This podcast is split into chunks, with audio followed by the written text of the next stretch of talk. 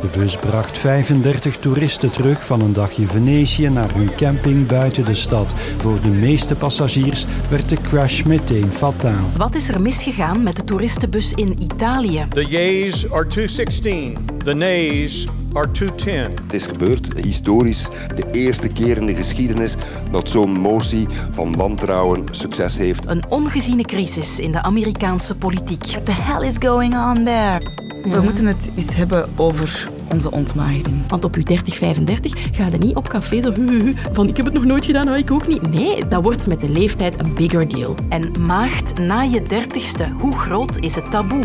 Geen taboes alvast hier bij het kwartier. Ik ben Katrien Boon en ik doe alles in 15 minuten uit de doeken. En ik begin vandaag in Venetië. Het is een droomstad voor kunstliefhebbers, verliefde koppels en reisinfluencers, maar ze maakt nu een nachtmerrie mee. Een bus vol toeristen is gisteravond neergestort van een viaduct in de wijk Mestre. Mamma mia, mamma mia, disastro, guarda che roba. De bus ging door de vangrail, kwam 15 meter lager terecht op een spoorlijn en is daar in brand gevlogen. De brandweer kon niet voorkomen dat meer dan 20 mensen om het leven kwamen. En daar zijn veel jonge mensen bij. Tieners, maar ook jonge kinderen en een baby. En er zijn ook 15 mensen gewond naar het ziekenhuis gebracht. Ja, dit is natuurlijk een, een, een, ongeval van, van ongewone omvang. En ook natuurlijk de schokkende beelden die we gisteravond hebben gezien. Van die bus die volledig verwrongen is. Die ook bijna helemaal uitgebrand was. Dat zijn beelden die er uh, wel inhakken. Dat is Helene Daans, onze correspondent in Italië. Het is al een drukke dag geweest voor haar en ik heb haar vanmiddag even aan de lijn gekregen. Hallo, goedemiddag. Aan haar kon ik vragen wat er kan misgegaan zijn met die bus. Daar is in elk geval nog geen uitsluitsel over. Er zijn een aantal hypotheses die onderzocht worden. De meest waarschijnlijke is dat die chauffeur onwel is geworden, de buschauffeur. Op de beelden van vaste camera's langs die weg is te zien dat die bus een aantal meter langs de vangrail schuurt voordat hij er vanaf valt. Dus dat zou erop wijzen dat de buschauffeur bijvoorbeeld niet in slaap was gevallen, want dan had hij wel kunnen bijsturen.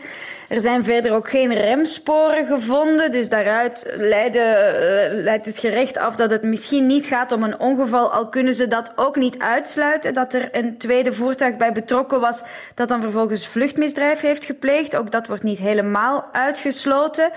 En verder wordt er ook gekeken natuurlijk naar de staat van die vangrail, van het wegdek, wat daar aan de hand was en of dat heeft meegespeeld, of dat in orde was en of dat heeft meegespeeld met het feit dat die bus daar zo uh, relatief makkelijk door is kunnen vallen. Ja, bij zo'n ongeval wordt er inderdaad al snel gekeken in de richting van die Italiaanse wegeninfrastructuur. Die zou slecht onderhouden zijn, niet aangepast aan het moderne verkeer. We hoorden vanmorgen nog uh, professor Jan van der Borg, hoogleraar toerisme, daarover uh, zijn bedenkingen uiten. Het is een uh, vervelend punt, ook voor normale automobilisten. Het is hoog, omdat het vlak langs de spoorlijn ligt met eigenlijk verroeste reling en, en dat soort dingen. Uh -huh. Het is inderdaad een punt dat niet meer berekend is op zware bussen. Klopt dat volgens u? Ja, dat is heel moeilijk te zeggen in dit geval. Ik ben zelf ook niet op, op die weg uh, met de bus geweest. Zelf, het is zo dat Italiaanse wegen erom bekend staan dat ze niet altijd volledig onderhouden zijn.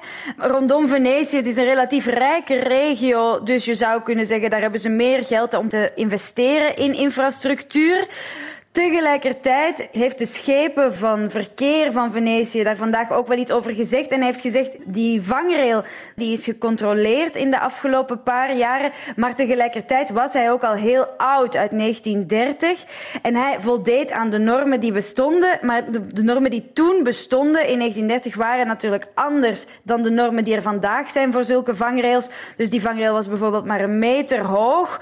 En als je vandaag zo'n vangrail zou bouwen naast een viaduct, dan zou dat veel steviger zijn. Dan zouden daar veel meer lagen metaal in zitten die ook veel zwaardere voertuigen kunnen tegenhouden.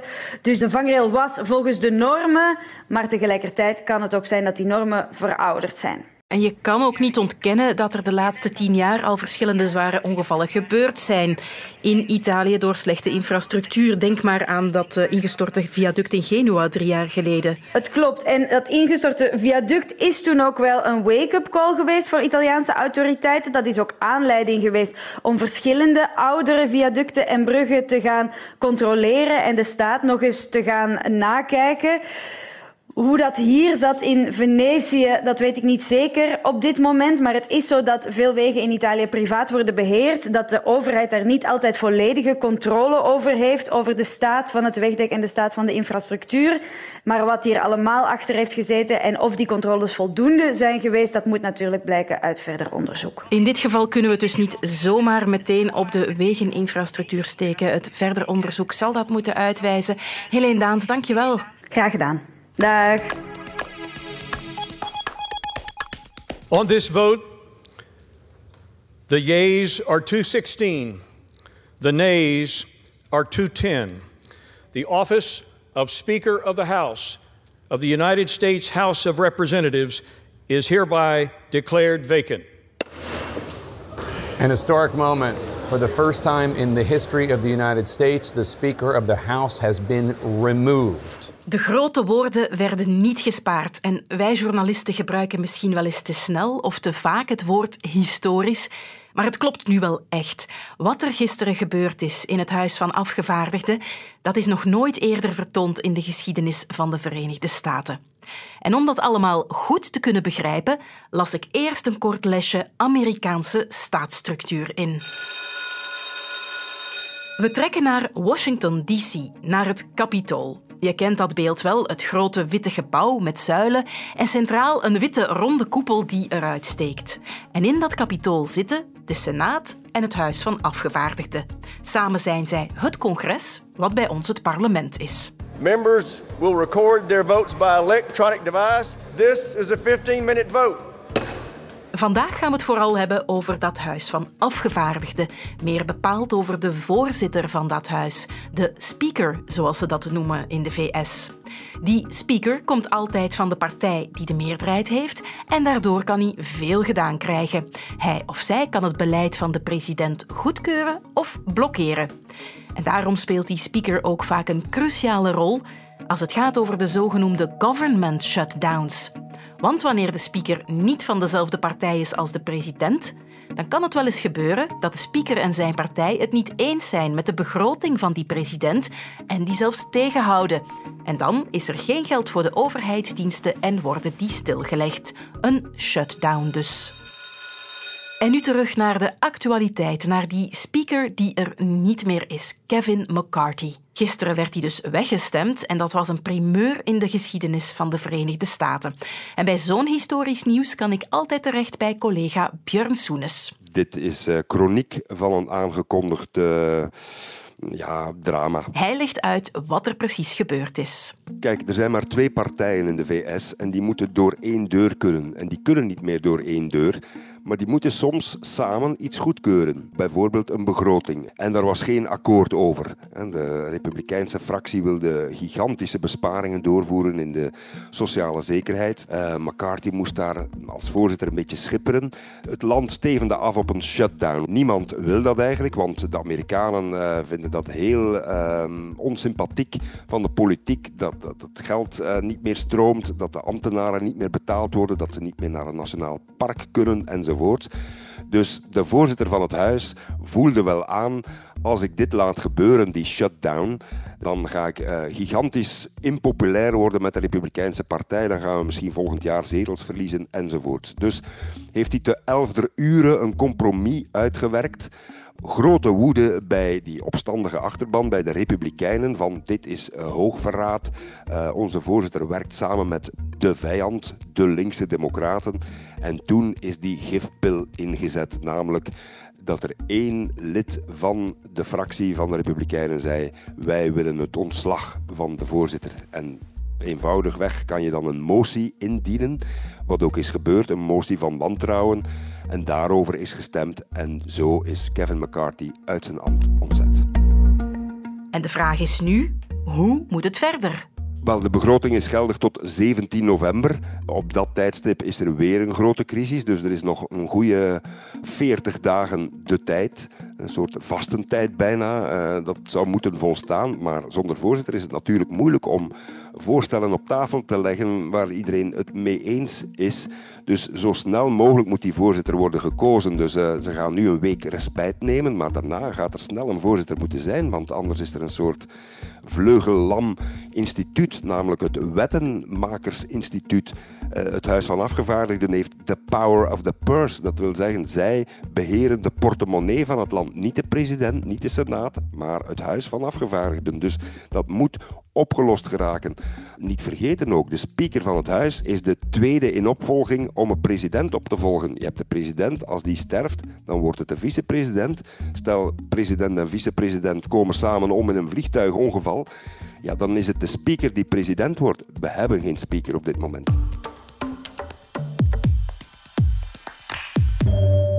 Ik wil een maagdenclub oprichten. Een maagdenclub? Een club voor maagden. Huh? En ik ben dus op zoek naar 30 maagden van boven de 30. 30 is veel, hè? Ja, maar ik heb er al één. De Maagdenclub dus. Het is een nieuw programma dat eraan komt van tv-maker Liedewij Nuiten, waarin ze op zoek gaat naar mensen van boven de 30 die nog maagd zijn. 7% van de 30-plussers zou in dat geval zijn en ook Liedewij zelf hoort bij die 7%. Er spelen bij haar medische redenen, dat vertelde ze gisteren in Laat. Dat heb ik lang niet geweten, omdat ik dat ook altijd dacht, ik ben de enige ter wereld die dat voor heeft. Ik wist zelfs niet dat dat een medische aandoening was, maar ik heb dus vaginisme en vulvodynie. Wat en betekent dat, dat het ontzettend veel pijn doet? Hè? Penetratie doet in mijn geval gewoon uh, te veel pijn, waardoor dat, dat eigenlijk nooit gelukt is. En nu is ook een andere getuige in het programma, Wouter, vertelt over zijn maagdelijkheid. En bij hem komt dat doordat hij aseksueel is. Die behoefte is er niet echt. Het is gewoon, uh, ja, veel mensen voelen blijkbaar wel die aantrekkingskracht of zo. En ik, ik voel dat gewoon niet. Er zijn dus heel wat verschillende redenen om ouder dan 30 en nog maagd te zijn. En de Maagdenclub wil het taboe daar rond doorbreken en een debat op gang trekken. Maar hoe groot is dat taboe eigenlijk? Dat is een vraag voor relatietherapeut en klinisch seksuoloog Vanessa Muildermans. Ik denk dat het taboe rond maagd zijn er vooral op dit moment uit bestaat. Niet zozeer dat er heel erg negatieve reacties op zouden komen als iemand meedeelt van ik ben nog maagd, maar dat het eerder een stukje ervoor nog ziet dat mensen er niet aan toekomen. Dat er geen, moet ik het zeggen, geen podium of geen ruimte, geen plekje voor is. Wij gaan er gewoon met z'n allen van uit dat iedereen boven de 30 waarschijnlijk wel al seks heeft gehad. We laten als het ware niet de ruimte voor. Misschien is dat niet zo. Dus als wij in een groep zitten met een aantal mensen van boven de 30 plus, dan praten wij vanuit die algemene aanname, die veronderstelling. Al deze mensen hebben al seks gehad. En daar ligt voor mij het grote stuk van het taboe. En daar zit het grote belang dat we nu wel ruimte maken voor mensen die inderdaad wat ouder zijn en nog geen seks gehad hebben. Dat die wel een plekje hebben waar zij een verhaal kunnen delen, waar zij vragen kunnen stellen, waar ze ervaringen kunnen uitwisselen. Het is dus blijkbaar tijd dat zo'n programma er komt. Maar tijdens haar zoektocht naar getuigen merkte Liedewij ook dat het moeilijk was om mannelijke maagden te vinden die wilden getuigen.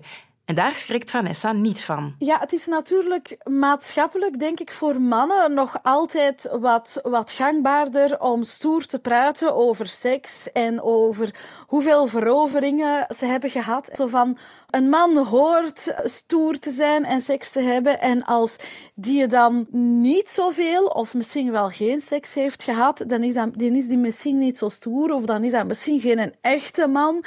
Tegenover bij een vrouw zijn we daar maatschappelijk nog wel wat milder in. Hè? Dus daar zit volgens mij een heel groot stuk verklaring in. Maar er is nog iets. Programmamaker Liedewij maakt zich ook de bedenking dat onze focus in deze misschien wat verkeerd ligt. Die penetratie wordt zo ja, groot en belangrijk gemaakt. En dat is ook wel heel hard, merk ik nu, vanuit een mannelijke bril dat we dat ook bekijken natuurlijk. Maar toch, ja, in alle films, ja, en porno ook natuurlijk, is dat nog altijd het ding. Penis in vaginaseks is één vorm van seks. Maar als we gaan kijken naar seksualiteitsbeleving, is dat absoluut niet de enige. Absoluut daarom ook ja, ik denk dat ik dat mag heel brut zeggen, niet altijd voor iedereen de beste of de leukste manier ook niet. Dus daar moeten wij nu eens stilaan voor eens en voor altijd af. Dat is ook een verschuiving die denk ik moet gemaakt worden en die heel belangrijk is in het verhaal rond maagd zijn. De Maagdenclub. Het klinkt nu al boeiend en de serie is vanaf 18 oktober te zien op VRT1 en VRT Max. En op die VRT Max vind je ook elke werkdag dit kwartier. Ook morgen, dan ben ik er weer met drie nieuwe verhalen. Wil je meer te weten komen over China? Zo vaak in het nieuws, maar ook zo vaak een mysterie. Luister dan naar de maandelijkse podcast China voorbij de muur. Nu in de app van VRT Nieuws.